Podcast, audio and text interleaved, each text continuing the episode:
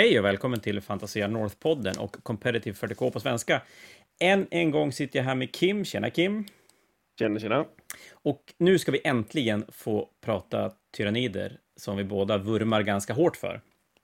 Ja, det tog ett tag. Var, är vi en månad sen? Vi är en månad sen. Men allihopa, idag blir det bara en timme, inte tre timmar som vi lyckas spela in senast. Nej, nej, nu ska vi vara lite försiktiga här. Jag Vi vet om hoppas det finns mycket att prata om.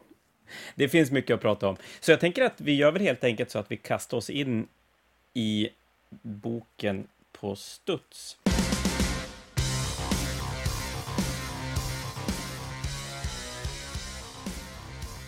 Och då är det ju så, för alla er som inte vet, så Tyranniderna fick en ny bok för, vad är det, två, tre, tre månader sedan nu, ungefär. Jag tror det är tre. Eh, och den kom, såg, segrade. Ja, den, den blev jätte, jätte, jättebra. Den blev kanske lite Alldeles för för bra. bra. Alldeles för bra. Så att det har kommit... Det här senaste Nerf-grejen som kom med Nephilim, eh, poängförändringarna och, eh, upp, och uppdaterade FAQ, är nog tredje förändringen på Tyrannidboken som har kommit. Och vi tänker att vi ska snacka lite grann om hur boken såg ut innan, i korta drag vad som spelades, gå igenom alla förändringar som har blivit och sen ska vi helt enkelt börja killgissa vad vi tror, eller vart vi tror tyranniderna kommer landa efter de här förändringarna. Jajamän. Så först av allt så ska vi, tänker jag, gå igenom det som spelades förut. Och då har vi det alltså, High Fleets var det Leviathan man spelade. Och varför spelade man Leviathan? Det var för att man fick transhuman på hela jäkla armén. Bland annat. Skit, Eh. Leviathan hade ju fler fördelar också. Deras psychic power som gjorde att de fick eh, kasta den här invul eh, invul eh, Cinetic Imperativen på en till unit varje tur var ju också en bra selling point. Så det var ju därför man spelade. Jag såg Ja. vissa som satt och fingrade lite grann i kraken som en sån här, ja men meta matchup att, ja men jag spelar på snabbheten men vi såg ju Leviathan på de flesta prispallar av en anledning. Ja, så är det ju. Det är ju inte för att de är sämst, eller för att någon hade hittat den där grejen som ingen annan hade hittat, utan de, de var ju ganska enkla. De gjorde ju sin grej väldigt, väldigt tydligt. Och att inte dö i 40K, det är ju bra. Ja, och det var väldigt stabilt, det var väldigt pålitligt. Det, det var inget sådär kanske, maybe, jag söker en speciell matchup. Det var bara bra, alla matchups. Så att det var, det var en no-brainer. Ja, vi såg det på Grand Fanaticen att de flesta lagen som var med och slogs i toppen, om inte rent ut sagt alla lagen som var med och slogs i toppen, hade en tyrannidlista med. Och ingen av dem hade uppfunnit ljudet. Nej, nej, nej, det, alla hade samma lista. Så vi kan väl gå igenom lite grann vad som låg i listorna. Ja, men vi kan väl göra det. Och då tänker jag att jag ska rabbla upp lite enheter som var välspelade. Så kan du bara fylla på med lite grann snabbt varför man, varför man använder dem. Och då var det ju första var ju Fly Tyrant, alltså Hive Tyrant med vingar var med för det mesta. Ja, och han hade alltid den här, eh, vad heter den, Death Reaper of Obliterax så att, inte, så att du inte får något sätt att ignorera woundsen du tar. Så att även om du har något sådär att jag kan bara ta tre skada per fas eller jag reducerar skada med ett så är det bara no, no, pock. Sen så gjorde den också mortal wounds för varje, för varje gång den wounda.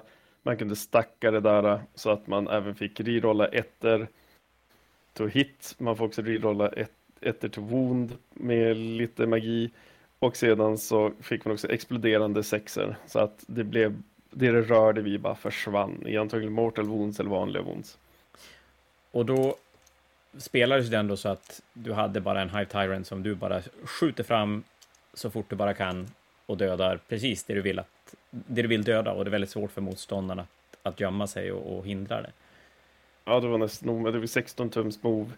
Eh, Men vad som var det absolut värsta att innan nerfarna så fick du ju för ett command point ta bort han från bordet efter han har slagits i slutet av din fas. Och, och det var väl, visst var det av, det var de första nerfarna som kom, för från början fick du göra det och komma tillbaka, nej, visst End of turn gjorde du det och sen så kunde du sätta tillbaka han i början av din moment phase och repetera. Så var det ja. Men det var en, ganska, det var en, en av de första nerfsen de gjorde på tyranniderna. Det var den första nerfsen. Och det var ganska uppenbar att den skulle in dit. Att de inte lärde sig av Admec. Ah, nej, jag vet inte. Men ja, det är därför. Eh, ja, nästa på listan som, som jag har sett folk köpa för 3000 kronor, tre, ja, ja, 3000 kronor på internet, det var Malecepto. Ja, det var inte heller en... Det var inget skumt med det. Maleceptorn tål mer än en Knight eh, där den står. Eh, toughness 8, 4 plus invul, eh, 2 plus save tror jag den har i grund. 15 wounds. Och varenda gång den kastar en psychic power eller den gör en psychic action och den kastar den på mer än 7 plus tror jag det är. Då så gör den D3 mortals på närmsta, närmsta mål inom, jag tror det är till och med 18 tum, jag kan dubbelkolla, inom 12 tum. Då tar de tre mortals om man är på högsta profilen, två om man är emellan eller ett om man är på lägsta. Och då har han två casts i grund.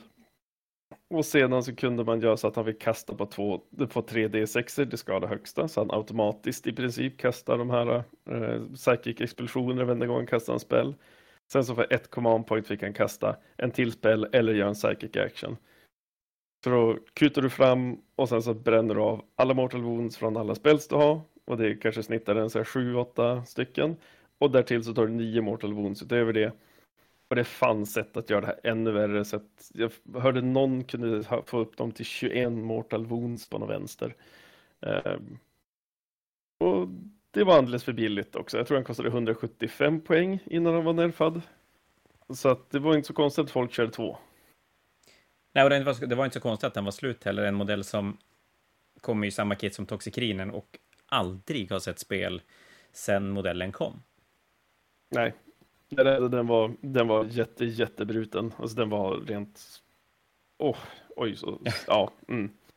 Ja, vi går vidare. Vi går vidare. Eh, nästa på listan jag har här, det är Harpin. Eh, även, en, det, även det är en pjäs som inte har sett speciellt mycket spel före den här boken. Eh, den har väl aldrig, egentligen aldrig varit speciellt intressant. Och den också har dykt upp och varit väldigt obligatorisk i, i nästan alla tyrannidlistor.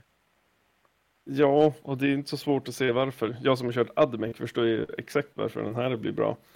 Eh, för han är ju som ett Admec bombplan som tål mer. Eh, har tekniskt sett sex last cannon-skott och bombningar och kan lägga ut spore om man väljer att inte bomba som då kan moment-blocka för motståndaren. Uh, man kan också ge en Adaptive Physiologist, alltså små uppgraderingar så att den får Synapse och då kan man se till att den får den här Invulnerable saven uh, även då den har flugit iväg. Har man då i tandem som ett kill-team med två stycken så kan man se till att båda får den här invul-buffarna. Man kan också bara köpa en 4 plus invul på dem om det är så. Det var lite för bra. Ja, och eh, även där får du ju enorm hastighet i, i armén som gör att du kan plocka ut lite grann vad du vill. Du har ju helt rätt där. Det var ju också den där grejen som tyrannider egentligen inte har så mycket av. Eh, förutom några få units som är snabba. Harpin hade som hela paketet tålighet, snabbhet, eh, eldkraft. Kunde ju faktiskt chargea andra flygplan om den ville. Eh, den movement blockade också. Den var så, den var så, kunde göra så många saker. Ja. Eh, nästa på listan var Warriors. Såg också jättemycket spel. Vi, jag kan säga att de flesta listor hade ju minimum två ganska stora enheter. Ja, jo, och jag körde 30. Eh, det var ju, de var helt underprisade. Eh, en modell som aldrig kan fly, slår hårdare än vad en Custodian Guard gör, tål ibland mer än vad Custodian Guard gör och du betalar ungefär halva priset för han. Alltså det var det, det, var, det var crazy times. Många buffar också, många, många synergier går igenom warriorsarna som Synaptic Lure då en Synapse Creature skjuter på någonting så kan du få 3D6 charge den, den uniten med hela din armé. Jättebra på en Warrior unit som kommer skjuta enormt mycket skott och sen han slår stenhårt i närstrid effektivt, kan man ju lugnt ja. säga.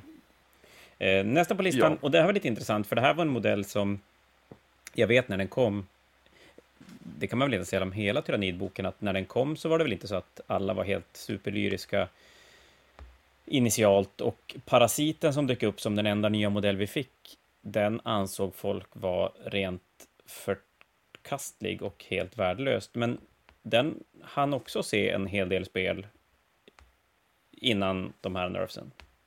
Ja, jag var ju en av dem som sa att den här är ju fullständig skräp. Varför skulle någon någonsin ställa det på bordet? Men det, de orden fick jag käka upp.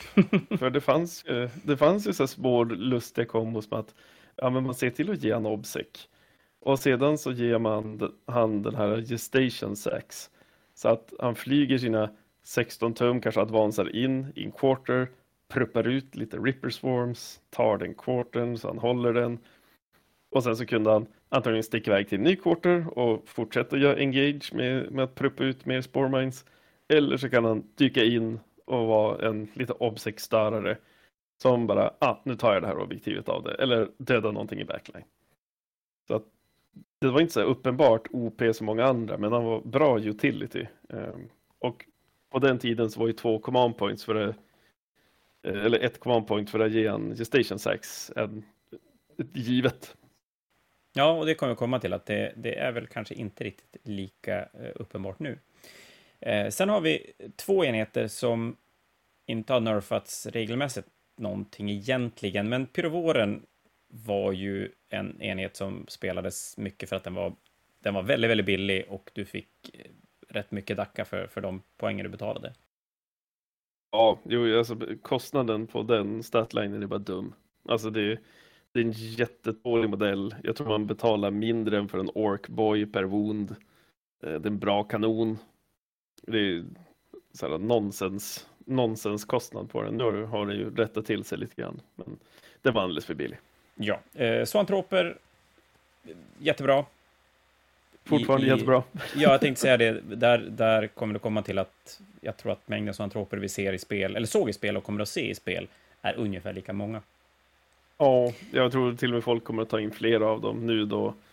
Eh, men vi kommer se. Jag tror det kommer det ännu fler eh, Och sista enheten, men det här är ju, det här är ändå en liten sån där slamkrypare som jag inte personligen tycker kanske har sett så mycket spel, men det är Carnifexen.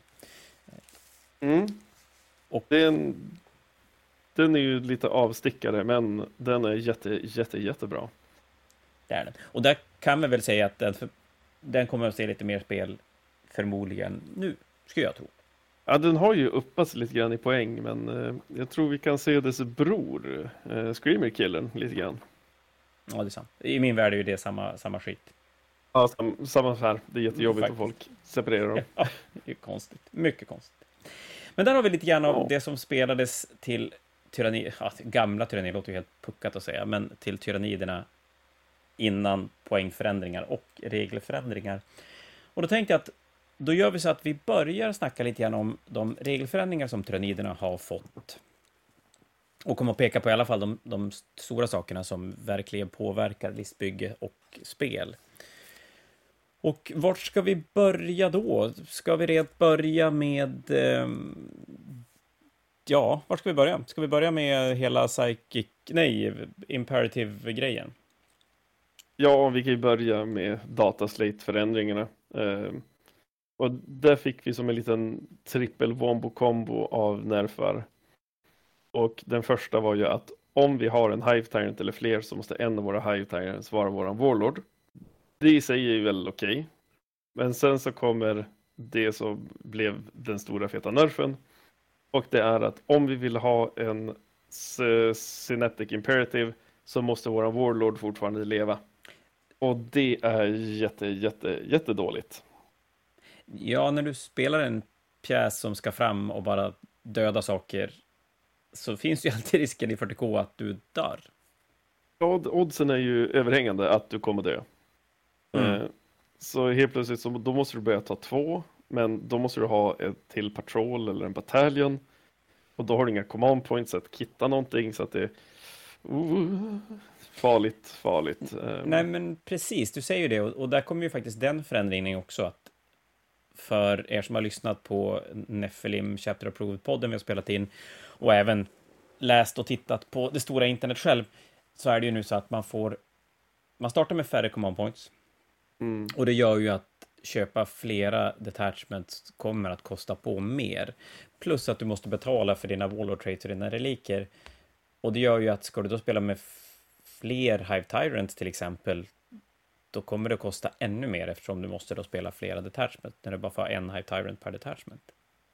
Ja, och så gick de upp i pris också så att jag, jag vet inte, då vi kommer till vad vi tror kommer vara bra i framtiden så kommer vi nog höra att vi inte kommer nämna Hive Tyrants. Det kan um, mycket väl vara så.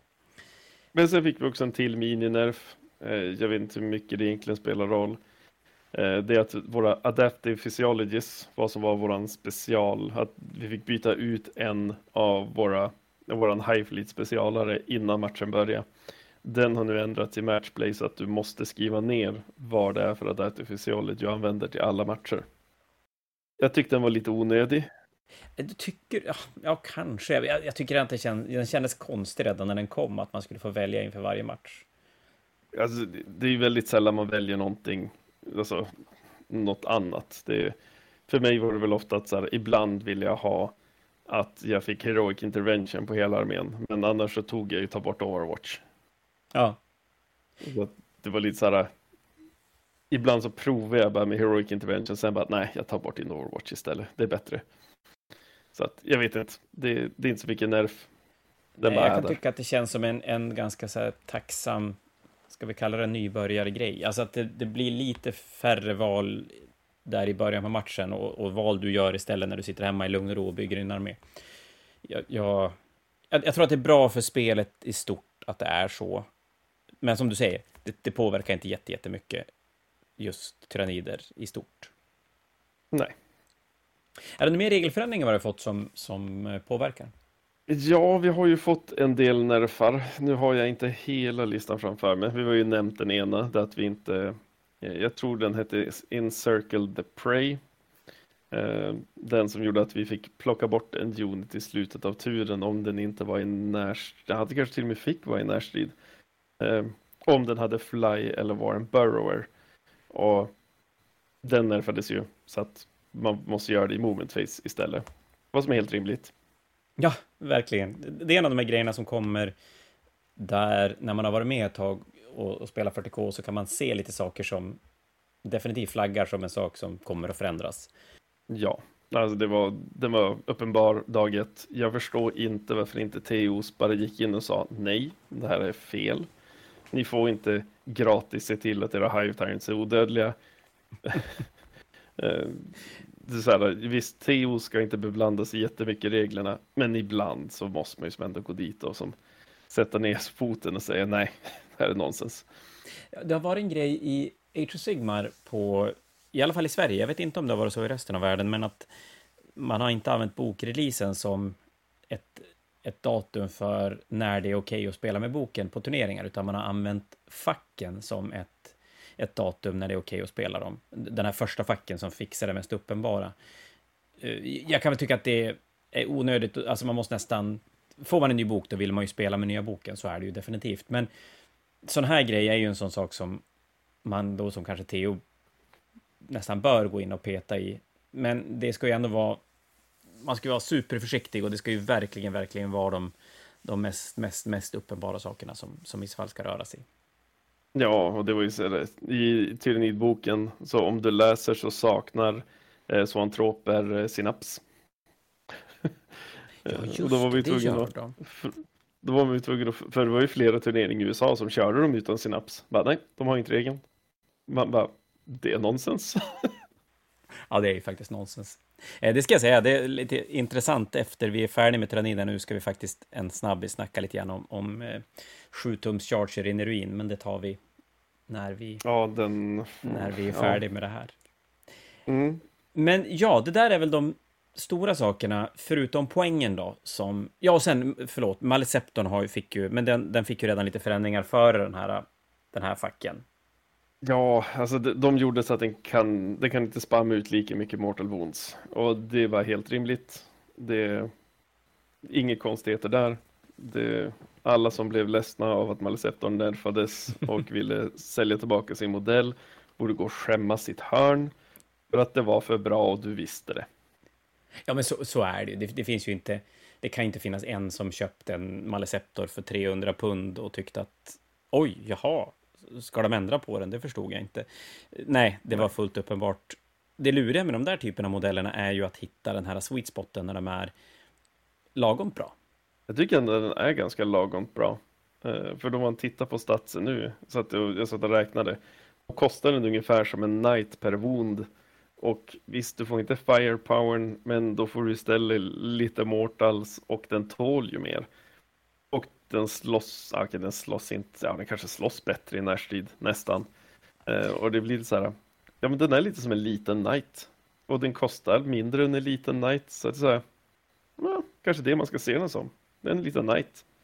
Ja, men jag tror framförallt det roliga är ju att man kan se det som en pjäs du kan välja att spela eller ta någonting annat. Inte som det var tidigare att du, det finns ingen det finns inget rimligt med att spela någonting annat än Maliceptorn, för den är så otroligt jävla bra. Ja, alltså jag körde bara en för att jag hade bara en. Jag hade kört två om jag kunde. Eh, men ja. Ja. Eh, den är uppe i 220 poäng nu, va? Ska den vara. Jo, 220 poäng nu. Mm. Kanske i högsta laget, men jag tycker ändå det, det är ganska rimligt. Det känns ju ändå som att förhopp... om, man, om man tittar på hur GV förändrar spelet nu med FAQs och poäng och grejer. FAQ-förändringarna känns ju som, än så länge i alla fall, att de gör en förändring och den är där för att stanna. Enda gången de förändrar igen, det är om de måste nerfa den ännu mer. Men det är, än så länge har de inte backat på förändringar så himla ofta. Däremot poängen tänker jag mig att där kommer vi att se det förändras upp och ner betydligt mycket mer. Ja, det, det tror jag också. Det, det är en lättare förändring för dem att göra. Ja, och för oss spelare också är det ju otroligt mycket enklare att veta att det här dokumentet med poängen, det är det som är det aktuella. Och, och det byter man ut då en gång i halvåret istället för att börja måste lista ut vilken FAQ som är och vilka regler ur kodexet jag kan, kan räkna med och vilka jag måste börja leta någon annanstans. Så att, ja, nej, ja, ja, det, är nog, det är nog bra, är det. Um, ja, det, det där var väl de stora regelförändringarna som påverkar tyranniderna just i den här FAQn. Och så sen som sagt poängen, det kommer att komma till. Men jag tänker poängen, det, det kan vi ta lite grann när vi pratar om de olika enheterna som, som, kom, som vi tror kommer att spelas och enheter som förmodligen inte kommer att spelas. Eh, men ska vi börja med High Fleetsen, eftersom vi började med det pre-nerf också. Leviathan var det man spelade innan nerfen och vi är väl överens om att Leviathan är fortfarande ett bra val att göra. Absolut, Leviathan. Jag skulle säga att om man är nybörjare med tyrannider, då är fortfarande Leviathan dit man går. Mm. Eh, eller om det är så att du är som jag och har, jag tror jag har 60 warriors eller någonting liggandes. Om jag vill spela alla warriors, då är Leviathan ett jättebra val. Eh, för Transhuman, Transhuman har inte blivit sämre. Eh, att kunna ge invul till en unit har inte blivit sämre. Ja, det, det är som bra. Men jag tror man kan få ut, nu ser du dock det här att Förr så hade du för mycket. Alltså du hade alldeles för många bra saker så att det fanns för mycket spelrum. Och jag tror nu att Leviathan är inte bra nog för att vara topp. Utan nu måste du börja mjölka ur de här bra unitsarna som vi faktiskt har, för de är riktigt bra. Ut in i så här, sista poänget måste vi nu få ut dödligheten ur dem. Och då tror jag andra är ett bättre val. Till exempel Behemoth. Eh, ja, precis. För att då kan vi snacka lite grann om de High Fleets vi tror kommer att se spel.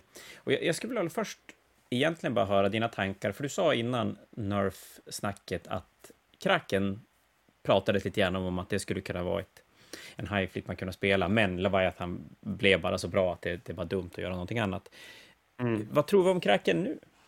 Ja, alltså nu nu är det ju där, vi vet ju inte riktigt hur vart paletten kommer landa i slutet, men just det där att få extra move är ju alltid bra. Och framförallt nu då vi har färre units på bordet så måste vi verkligen se till att de units som är våra key players hamnar dit de behöver vara.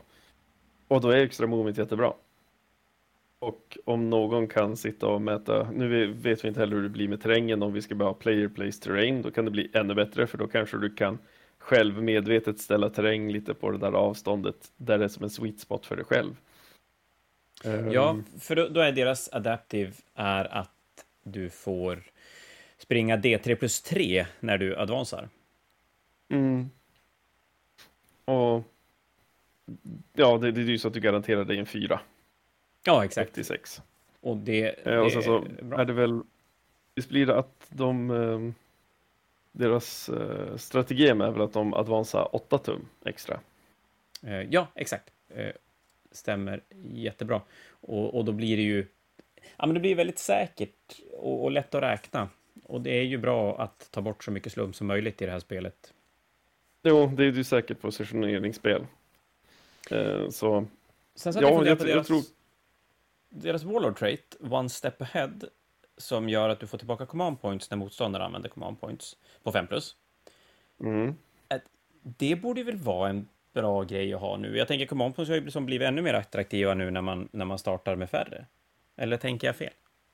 Nej, nog tycker jag du tänker rätt. Om Yay. du skulle haft en... Ja, men eh, nu sitter jag bara och tänker vad fan jag skulle ha i en krakenlista. Uh, ja, men man kanske har en, en shooty tyrant bakanför en hel drös med eh, med uh, Tyrant Guard. Då skulle det kanske vara bra. Eller på en uh, Tervigon som gömmer sig bakom sina Hormagants som bara är din köttvägg egentligen. Och sen så sitter de och mjölkar command points. Mm. För den kommer ju inte dö. Nej, en Tervigon ska... Äh, dör den så är nog inte att få command points ditt problem just då. Då har du andra problem. Nej. Så nej, absolut. Kraken. Attraktivt. Den, den mest intressanta highfleeten just nu, om det är så att armén kommer att kliva bort från Leviathan lite grann, det är väl som du säger Behemoth? Ja, Behemoth. Um, det var faktiskt Lennart som sa det för, till mig första gången och jag som bara, uh -huh. För jag vet att jag tittade på den här innan jag som så snöade in mig själv på Leviathan. Och nu så känns det, även efter vi har pratat och så vidare, att det här är nog det som är kryddan på, kryddan på insekterna den här gången. Och det är just deras psychic power, unstoppable onslaught då de får plus ett wound. Och det är bra på så många platser. Alltså om du kastar det på några gaunts är det väldigt bra, men, ja, men som Lennart berättade för mig, ja men tänk att du har nio stycken Tyrant Guards med, ja men säg att de har Scything Talons. Ja men då har de fem attacker, eller har de ännu fler då? Nej, då får de fem attacker per skalle, styrka fem. Och sen bara slice, slice, slice, slice, slice. Ja, då blir ju att att få plus, plus ett to wound är ju supereffektivt. Då är det väldigt starkt. Eh, eller sett, eh, om man har någon med crushing claws ibland, om, ja men då så sitter de helt plötsligt och vondar 8 eh, vehicles på 3 plus och i princip allting fotslagande på 2 plus. Det ska sägas det att Bemoths High Fleet Adaption hyperaggression är då att när du chargear, blir chargead eller heroic intervenar eh, så får du ett styrka. Mm. Och du får rerolla charge. Ja. ja, så det är ju jättebra. Det är stabilitet. Eh, kombinera det med Synaptic Lure, att rerolla charges på 3D6 och diska den lägsta. Kommer nog sitta alla gånger. Du kan nog ta ganska risky charges. Eh, då skulle man kunna tänka sig att man skulle kunna spela lite tervegoner och, och tunnla grejer som kommer upp och, och chargear. Ja, jag, jag har suttit och börjat som klia mig i huvudet om man inte ska prova något sånt. Jag har inte än satt det på bordet, eh, men jag tror det kan vara en grej. Ta fram nio stycken Warriors med Bone Swords. Du kan ju ta en vanlig tervegon då, pluppa upp dem, sätta eh, en ett enda skott i det du tänkt. Sen charge du på 3D6. Med reroll. Så det är ju stenhårt. Det är ju jätte, jättebra. Det är det definitivt. Så att, ska vi tro att det kommer att vara ett, ett battle mellan Leviathan och Bemoth? Och möjligtvis även Kronos. Eh, jag skulle kunna se att eh, till exempel spammar lister eller allmänt shooty-lister skulle även kunna gå just mot Kronos håll istället. Och då, eh, bara för Kronos den extra då, APn. Ja, Kronos har 4 tums extra range på sina vapen, sina skjutvapen. Deras andra adaptive är att de får ett extra arm penetration på eh, skytteattacken. Ja, precis. Och då kan man då blir som just när vi tittar på mariner och allting som får armor of contempt nu så blir det just den där att du får den här extra APn då du är nära. Det tar bort din armor of contempt kan man som tänka. Lite extra range. Och ja. Mm.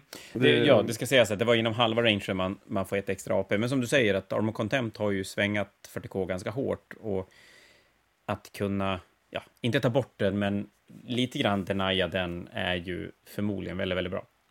Jo, det är, det är väldigt, väldigt bra. Och just det där att man kan, man kan ge styrka 6 till sina små flashborers med AP2. Alltså, helt plötsligt så kan du som börja döda det mesta. Ja, det, det kan man definitivt göra och det finns ju ganska mycket skytte... Ja, men I Tyrannidboken finns det ganska mycket skyttetunga grejer, även om de gärna har glömts bort när det har blivit så himla mycket Mortal Wounds.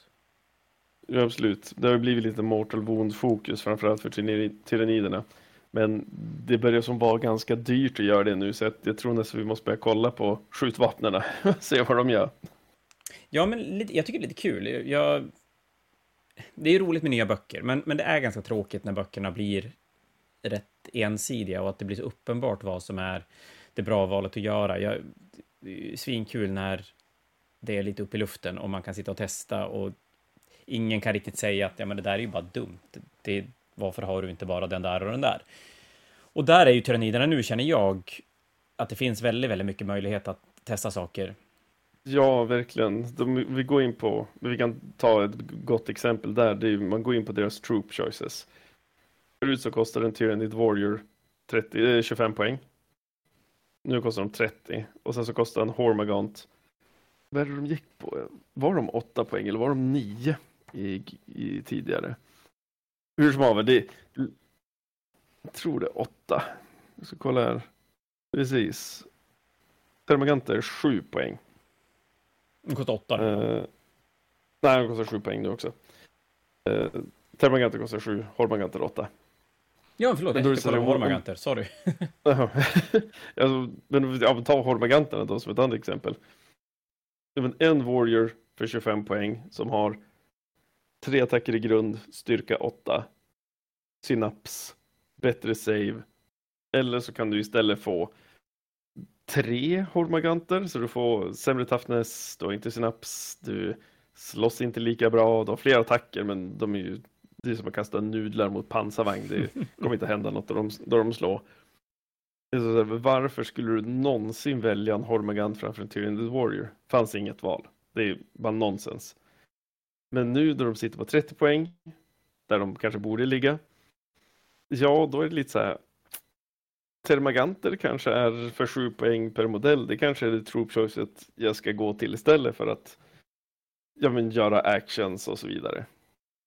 Ja, termaganterna, du börjar få fyra stycken termaganter på en Tyrannid Warrior. Så att då mm. har du till och med mer wounds per poäng.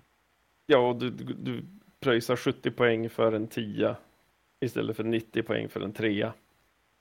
Så att du, och kroppar är ju viktiga nu i Nephilim för att hålla quarters och göra actions och allt möjligt.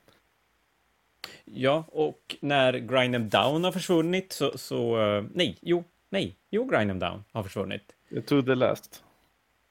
To the last, ja, to the last, förlåt, to the last har försvunnit, så att det är inte lika värt att nödvändigtvis spela de här jätteklumparna med Warriors, för det var ju ganska, det var ju som ganska bra.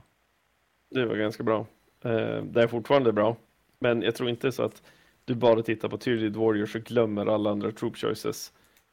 Eh, för jag vill säga att vi kommer att se mycket mer termaganter ute i spel, trots att de kanske är lite överprisade. Men jag tror vi kommer att se folk börja försöka lira termaganter tillsammans med tervigoner som odödliga köttväggar och obsec-blobbar. Eh, för det, det, är en väldigt bra synergi nu då Hive Tyrants är lite så här, inte är lika attraktiva om vi säger så. Men Hive Tyrants är läskiga, alltså, alltså att spela med. Det känns som väldigt att du, du riskerar mycket med att ställa ut en Hive Tyrant på spelplanen. Det skulle kanske vara som listan som Lennart kastade ett snabbt, eh, snabbt till mig över Messenger någon dag. Eh, en, att man har en Hive Tyrant ståendes bakom för nio stycken Tyrant Guard. Och sen ger man, ger man han Shard Gullet och alla de där goa grejerna som man alltid ger han. Eh, för då står han ju ganska säkert. Även om bodyguard-regeln har nerfats lite grann så har den inte nerfats så hårt att alla listor skjuter bort en nia eh, Tyrant Guard. Nej, bodyguard-regeln har väl egentligen bara gått och blivit hyfsat normal, tänker jag. Ja. Och, och den, det går ju fortfarande att använda den. Ja, men vi lekte med tanken att man skulle fortfarande ha kvar den här flygarna här Tyranten och egentligen tänka sig att den är egentligen lika bra som den har varit tidigare. Och som du säger, skillnaden är då att man spelar med High Guards för att överleva första rundan. Ja. Och sen tänker man sig att det här Synaptic Imperative-grejen, och, och, då kan vi passa på, det, på, ta, på ta det för de som inte vet, att det, det den gör, det är ju att dina olika Synapse-karaktärer eller Synapse-modeller har abilities som du med hjälp av Synaps-modeller kan sprida över spelplanen. Så till exempel så antroperna har ett 5 invosave, då kan du en gång per match välja att kicka igång deras Synaptic Imperative och då skjuter du den från zoantroperna genom andra synapsenheter och skapar bubblor med 5 invosave. Det var, visst fick jag det där rätt nu va? Ja, det blir helt rätt. Alla Synapse ja. Får den auran.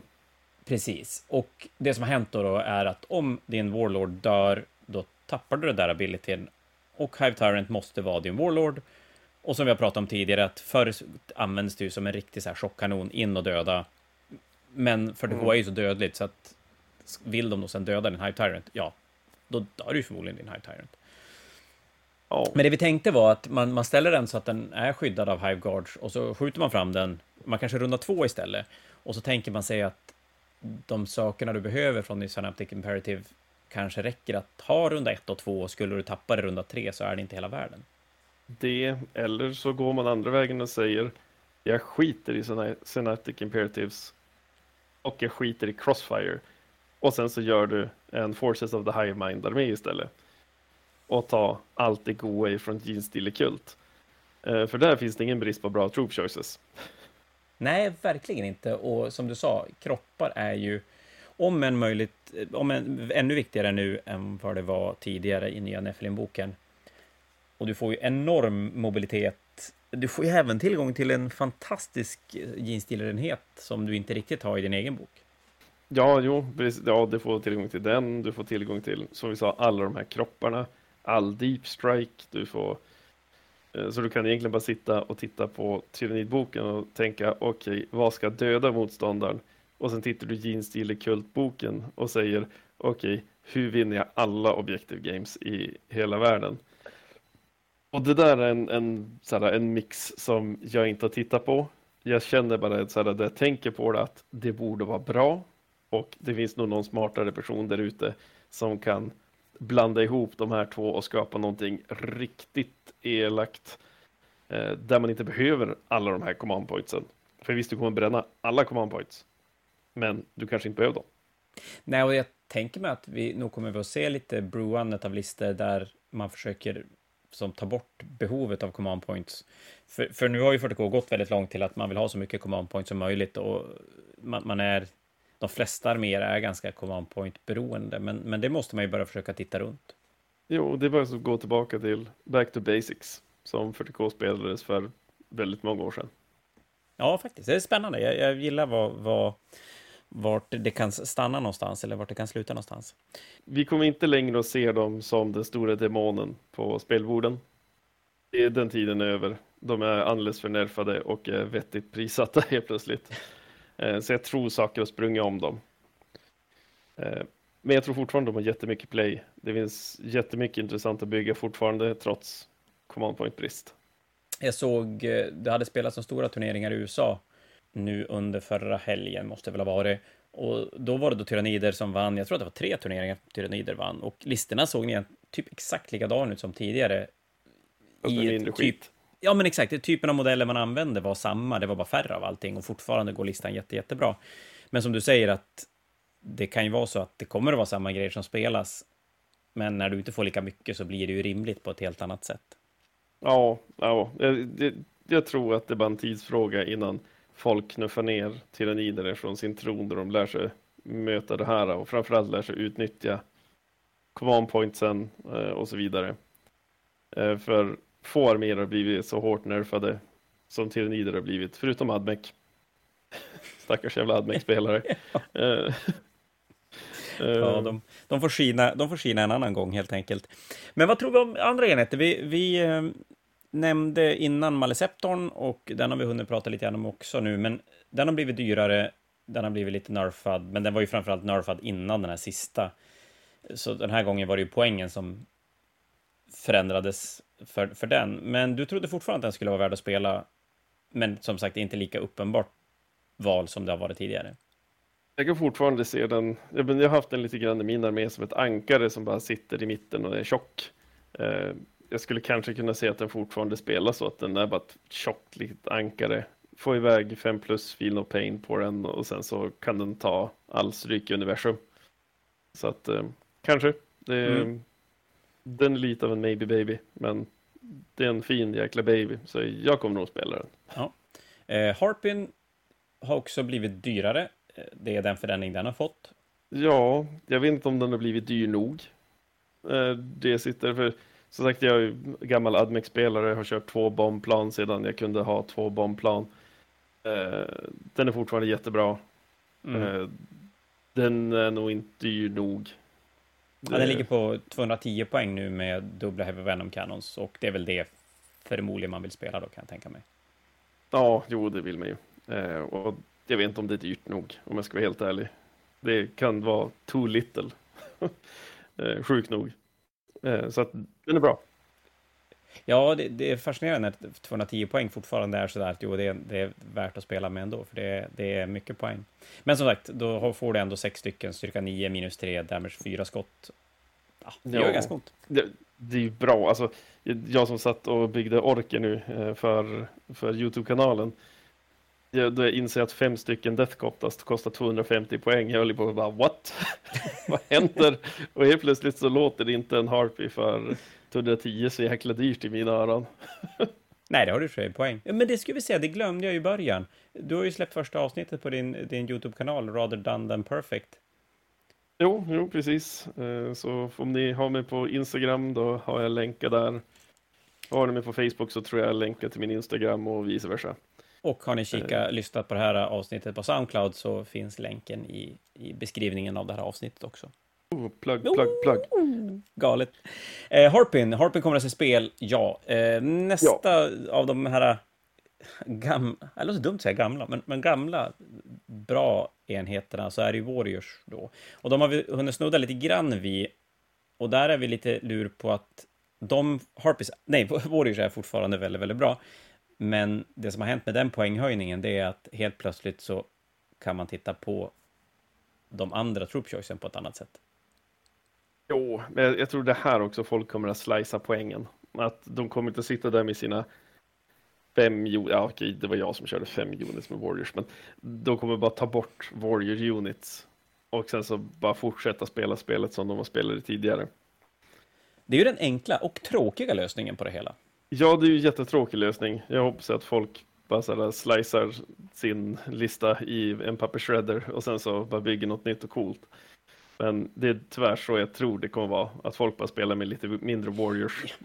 Och... Så, så kommer det att göras till internet har hittat andra saker och så sen, och, och gud nu lät jag cynisk, men lite så är det ju faktiskt. Att så är det ju, tyvärr. Många tänker inte själv och väntar på att internet eh, vilken Art of War-kanal man ska lyssna på som berättar hur spelet ska spelas och så sen bara följer man det.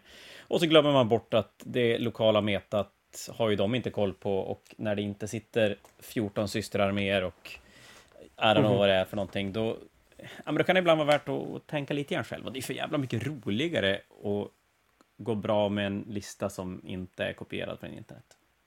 Ja, ja, man ska ju sitta hemma själv, gärna med typ så här, tre, fyra öl i kroppen och sen så ska man bygga lista någon vecka innan. Det, det, mm. det är the way of kings. Jag, lite, jag vet att när, när tyranniboken inte hade släppts, men det läckte ju ganska hårt i början, så var ju gargoyler någonting som pratades väldigt, väldigt mycket om. Att de har blivit troops, gargoyler är den nya grejen. Och sen har vi inte sett så mycket gargoyler. Nej, men det är väl just på grund av problemet att de har toughness 3 och ingen save. Ja, då är man ju lite bräcklig. Ja, de, de är inte så här, vad de har i move, har de 12? Ja, 12 ja, till move. 12, 12 inch move.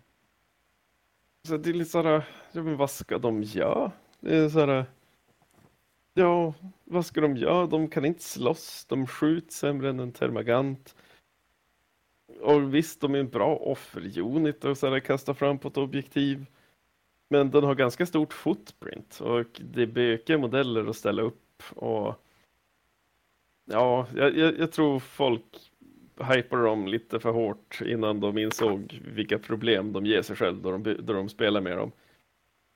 Jag, jag provar dem flera gånger. De är bra att stå på knappar, absolut. Men de är som inte bra nog. De tål för lite. Det är klart, du har ganska mycket hastighet om du väljer att spela Hormaganter och liknande också, och då kan du ju ta det till knapparna ändå. Ja, det är så här, du tappar två tum i move och få närstrid. Det är som, ja tack, jag tar hellre Hormaganter.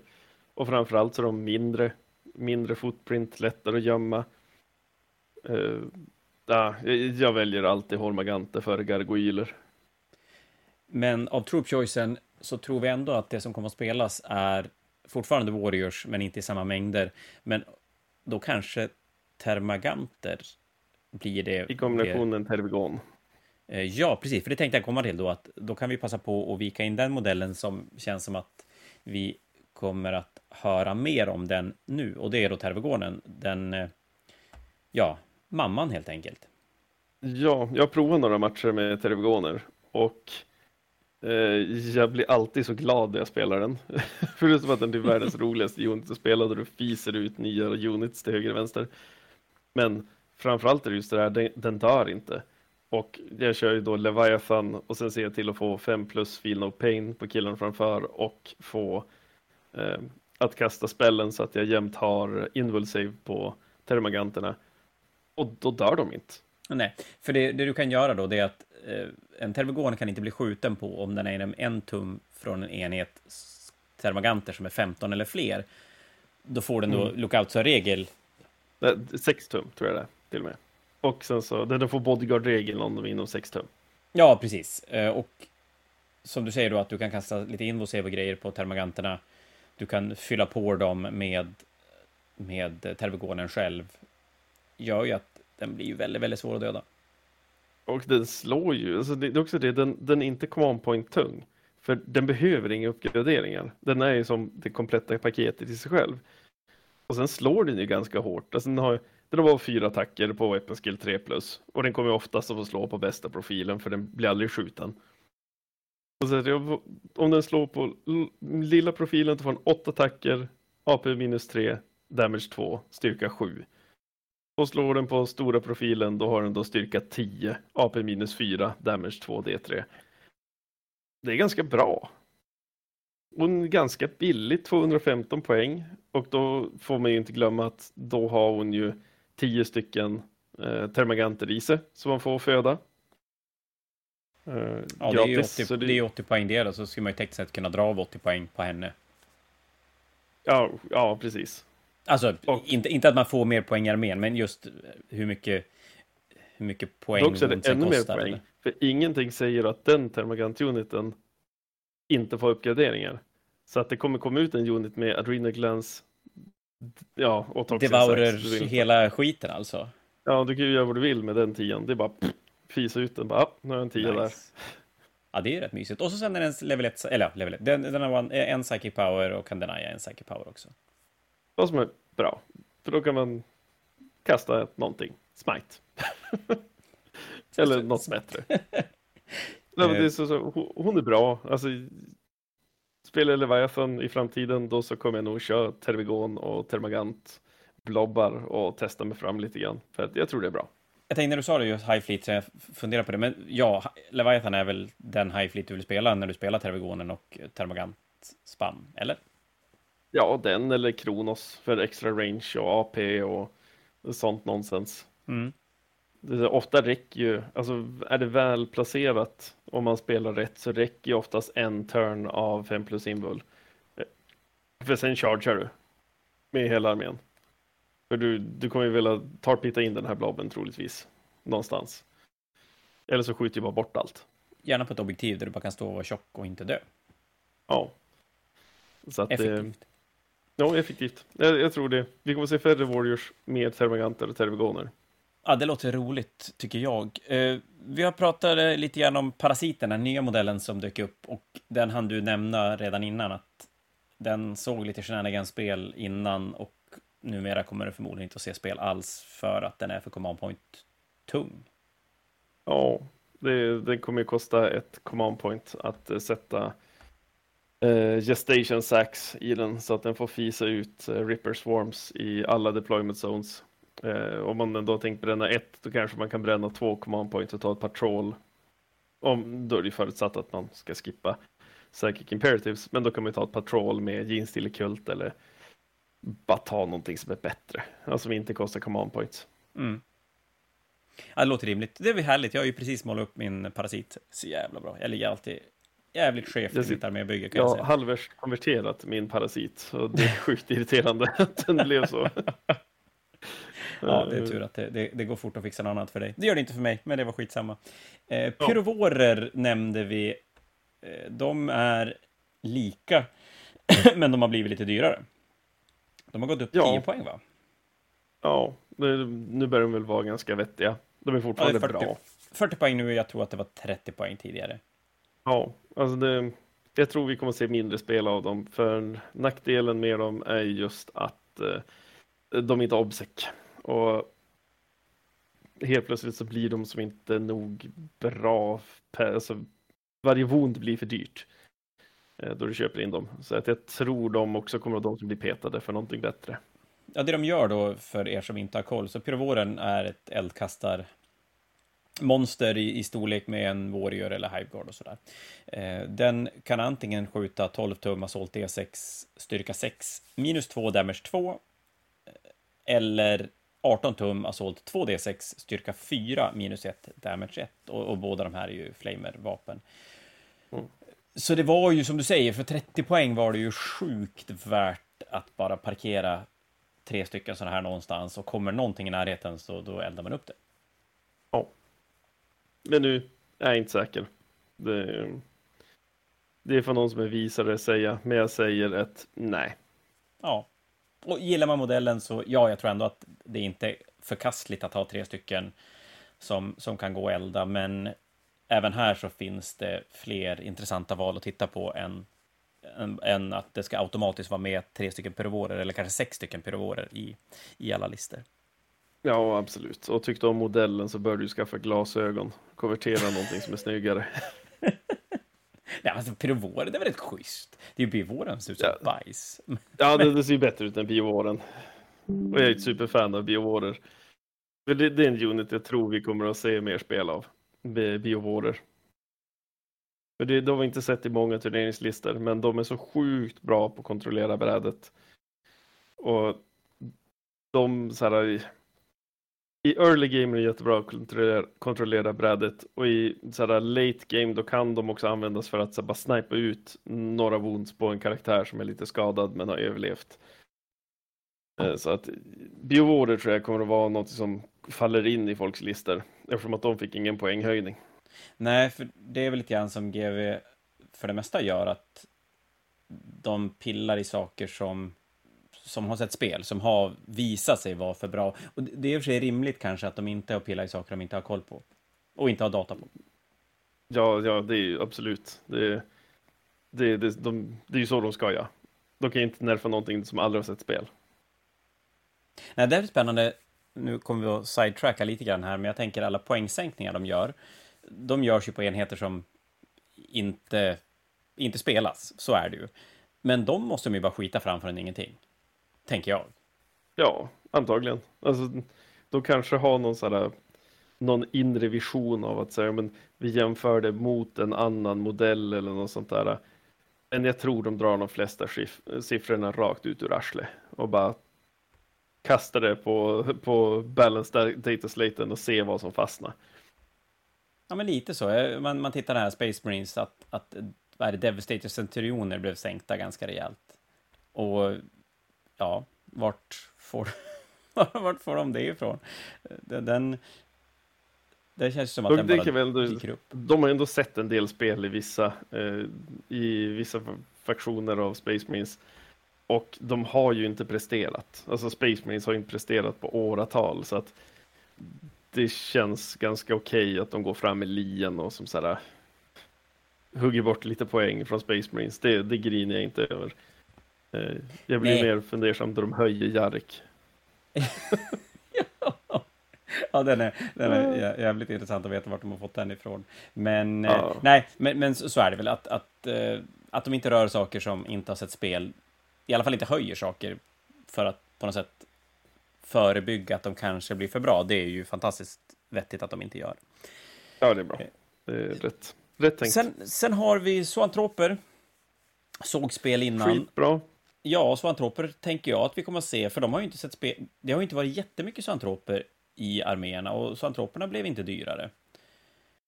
Ja, men vi kommer att se fler nu för att förr så hade du ganska få svantroper för att du hade man Leceptorn som var din Mortal, Mortal Wounds bomb och den var bättre. Men nu så börjar maliceptorn vara lite för dyr och zoantroperna de presterar very, very good.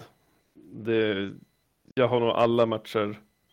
Jag tror alla matcher har jag kört med minst sex stycken och ibland har jag kört med åtta stycken.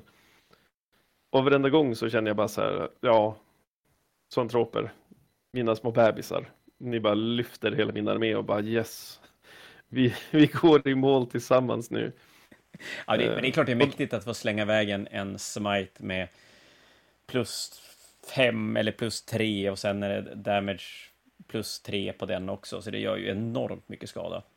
Och du snittar ju supersmite, så att det är som bara, bara mm, D6 plus 3 hela tiden. Mm. Pum, pum. Det, ja, det, det var jättebra. Jag har 18 santroper. Just saying. Just saying. New meta, 18 zoantrop, oh, here yes. we go. All in. Det, det, är, eh, det är ju om ett annat väldigt tankigt. Är det. Det 18, ja du kan köra tre stycken maxade units. Yes. Jag spelade Amazing. förr i tiden. När, när, eh, när de kunde få Ja, men det var väl Leviathan också, så, men då fick man 6 plus plus Feel No Pain på dem, så då hade de 3 plus Invo Save och så sen 6 plus plus Feel No Pain. Ja, just det, så var det. Mm. Och så när vi spelade lagturnering så blev jag kastad mot Tau och bara dö inte. Och så dog man inte. Mm. Svinnice. Var det. Det är bra. Eh, så att Zoantroper, ja, de kommer att spel. Eh, det var väldigt mycket snack. Eh, det har varit ganska länge snack kring Carnifexar.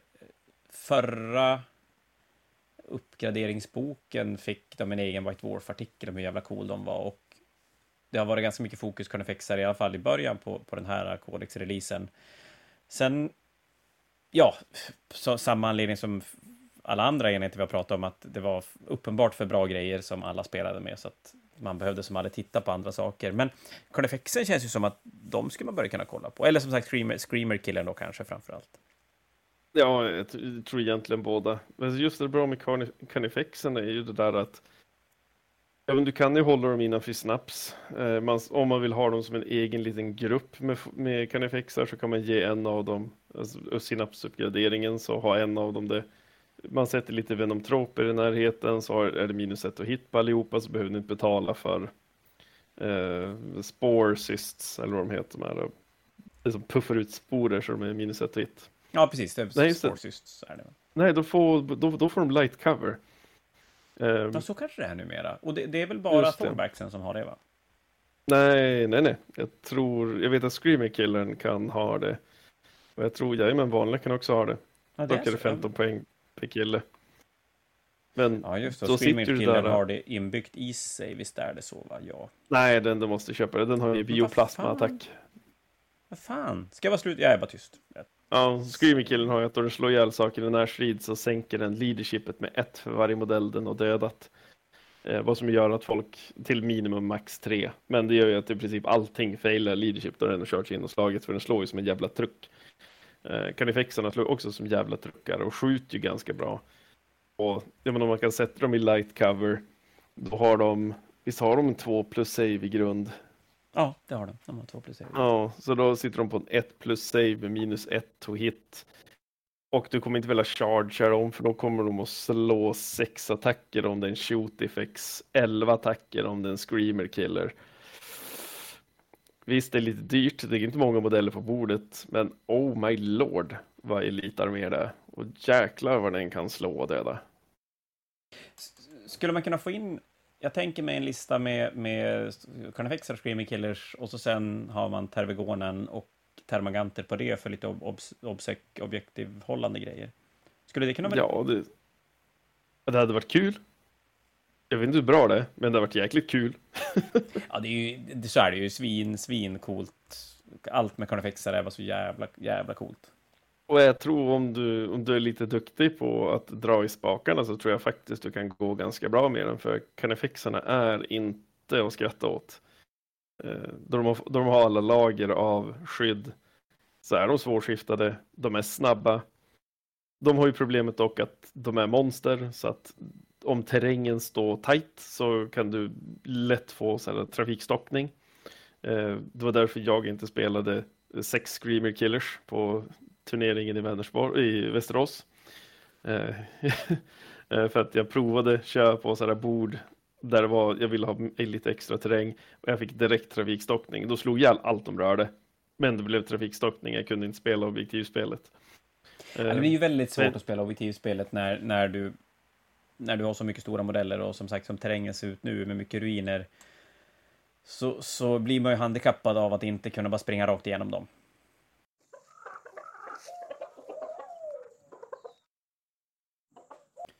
Så Kim, eh, där var det lite ljudstrul, men nu är vi tillbaka igen. Jag vet inte hur mycket det här kommer att höras när vi klipper ihop det. Skitsamma.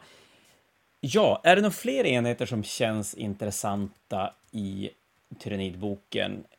Vi har pratat Carnifexar, som, som eh, var lite spännande innan. Vi hoppas att de kan kunna se lite mer spel.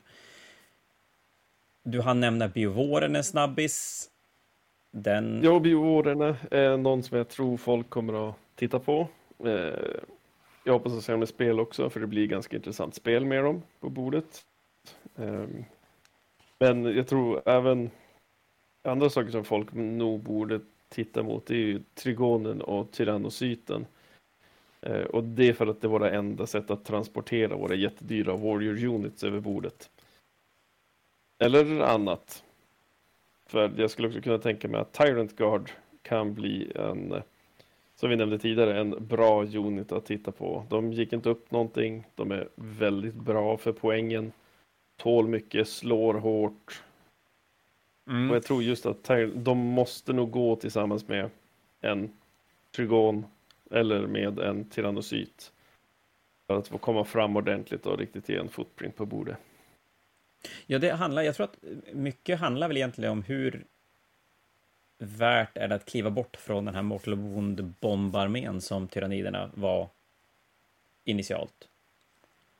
Var och på sätt och vis fortfarande är. Det, det är ju det. Man, man vet aldrig riktigt var, vad vågar vi plocka ifrån tyranniderna för att sätta in någonting lite mer spännande som om vi nu vill köra 400 poäng med Tyrant Guards ja, det är jättemycket Warriors som har försvunnit där och troligtvis en dress och antroper och men jag tror egentligen vi sitter och just det att, att vi sitter och plockar lite grann i varenda del av nästan varenda unit är just det där att tyrannider är fortfarande bra. Det, unitsarna är riktigt, riktigt bra. Allt ifrån Gene Stealers, kanske inte just Ripper Swarms, men i princip allting i listan går ju som att spela. Och jag tror vi nu med poänghöjningarna bara fått en mer anledning att titta ännu mer på vad det är vi vill använda. Om vi kanske vill prova spela dubbla exokriner eller 42 000 screamer killers. Det är... Man jag tror det är stoppa så... in alla man kan. Eller ja, som ja, man inte kan. Det kan du fixa det allt. Allting hela tiden jag vet att när boken kom, så det som slog mig och ganska många med mig, det är just det du har pratat om nu, att det är en väldigt, väldigt, väldigt bra intern balans. I alla fall när det kommer till reglerna på modellerna. Det är, det är ju ingenting som är riktigt jävla bara dåligt. Nej, det mesta är som bra. Och, och då blir det ju, exakt som du sa, superspännande att se vart det kommer att landa någonstans och, och verkligen ta tillfället i akt att testa broa se vad man kan få för värde ur grejerna och sen komma ihåg att värdera hur bra det gick mot hur bra det brukar gå för dig. Ja, absolut. Och just nu så, ja, men som du sa, det, det går fortfarande ganska bra med old school-listan. Men det som vi ska nog ta ifrån det vi pratar om idag mest är att det är lugnt då den här old school-listan inte fungerar längre. Vi har jättemånga andra verktyg att plocka fram för att hugga ihjäl våra motståndare med som tiden lider. Definitivt. Jag tänker även att det pratas mycket om systrar för tillfället och att systrar är de som har tjänat absolut mest på hela Nefilim-poäng-nerfen och kanske anses vara den armén som är mest effektiv och bäst för tillfället. Och spontant känner jag att om man, om man möter systrar då kanske man inte vill spela en sån här psychic bomb-armé för att de är ganska duktiga på att stoppa sådana saker. Det var den enda armén, eller enda listan jag torskade mot där jag gick i Västerås. Ja. Det var en uh, sista lista. Och nej, alltså just att köra de här säker bombarméerna, det funkar inte så. Det ska funka, alltså mot till systrar, det ska fungera. Men det kanske inte fungerar. Och det Ja, jag, jag, tror att vi borde ta det tillfället i akt att gräva lite djupare i våra verktygslådor och bygga någonting nytt och intressant med kanske Tyrant Guards eller mm. transporter av något slag.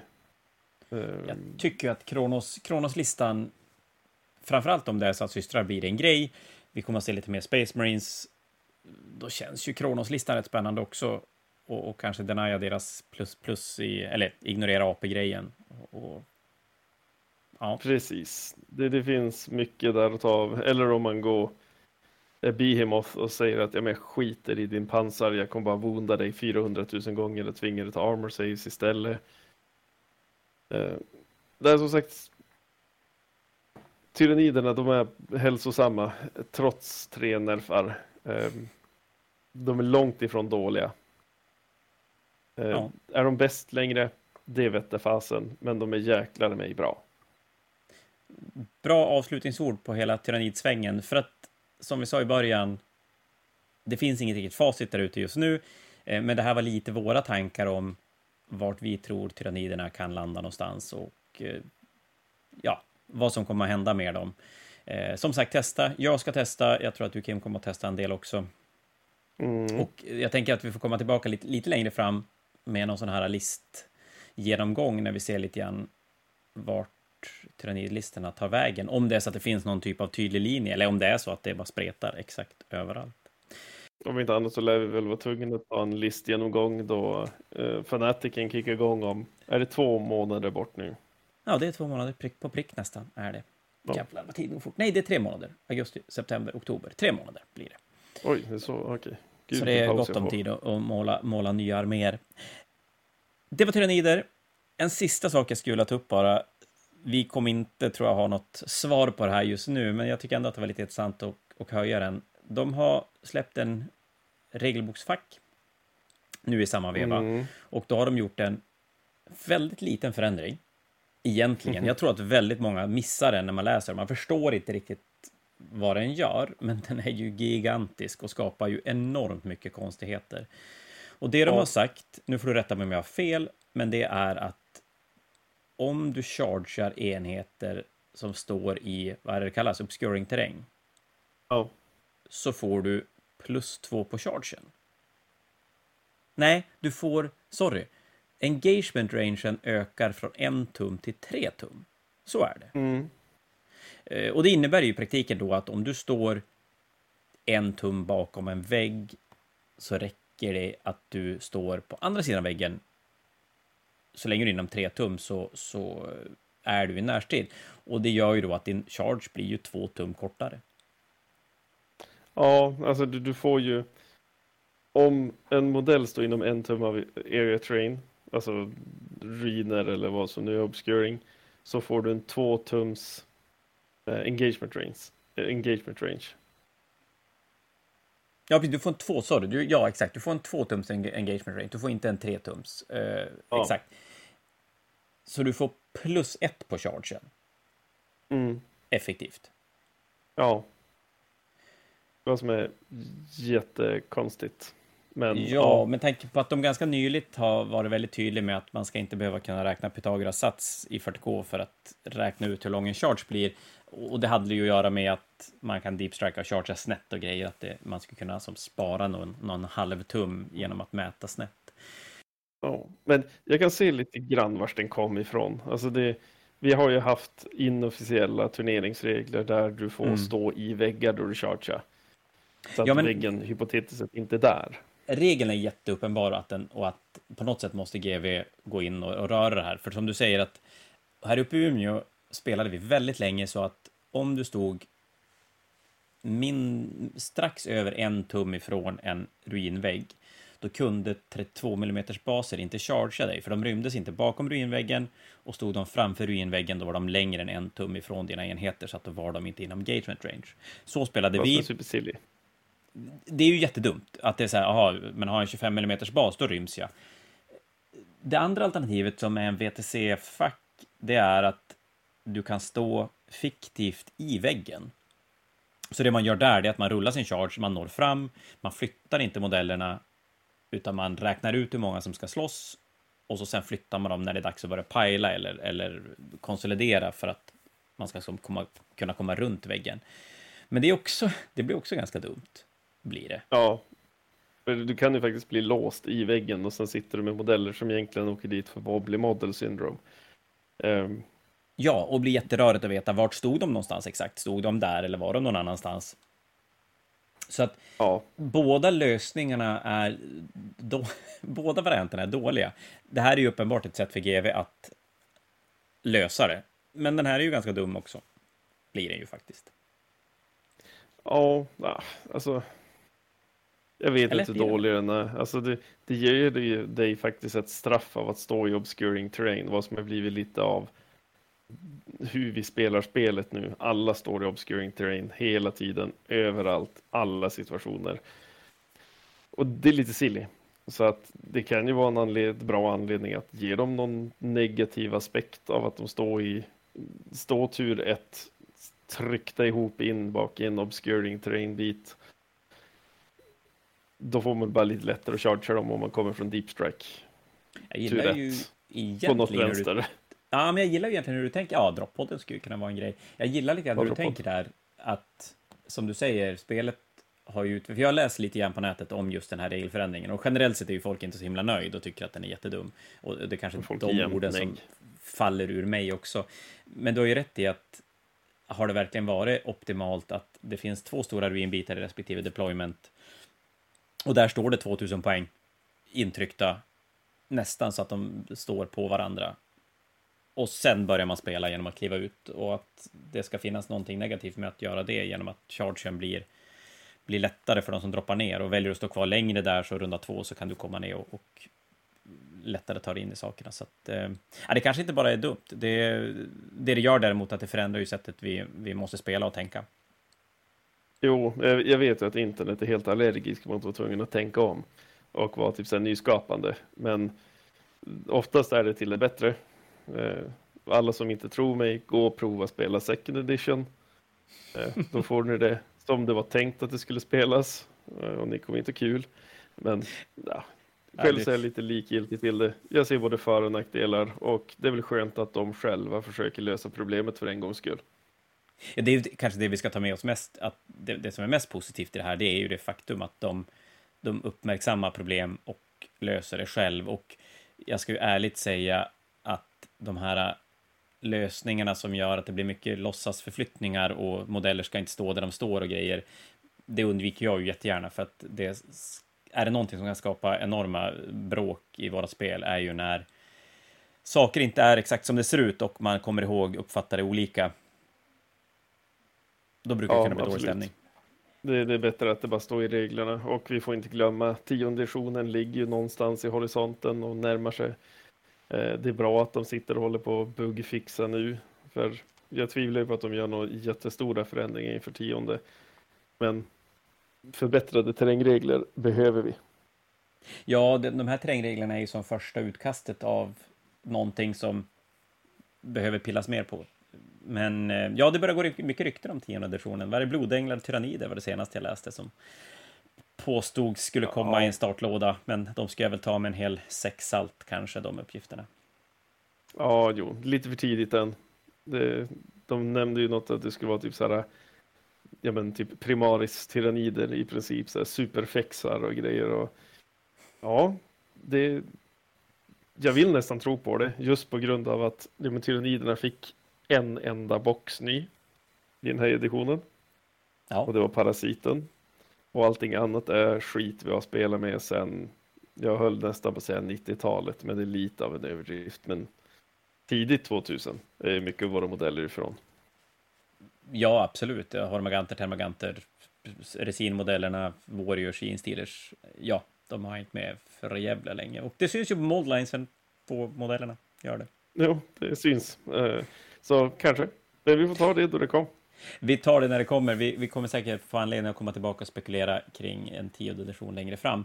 Men du, nu har vi pratat Fan, det blir alltid så när det är tyrannider. Vi har pratat lite längre än vad vi tänkt oss, men jag hoppas att ni har stått ut med vårt babblande och lyfter fram tyrannidboken och börjar brua lite lister. Du och jag, Kim, vi återkommer förmodligen om en, en, en två veckor med någonting nytt spännande. Eh, fram till dess så får ni ha det bra, så hörs vi. Tack allihopa. Hej då! Hej, hej, hej!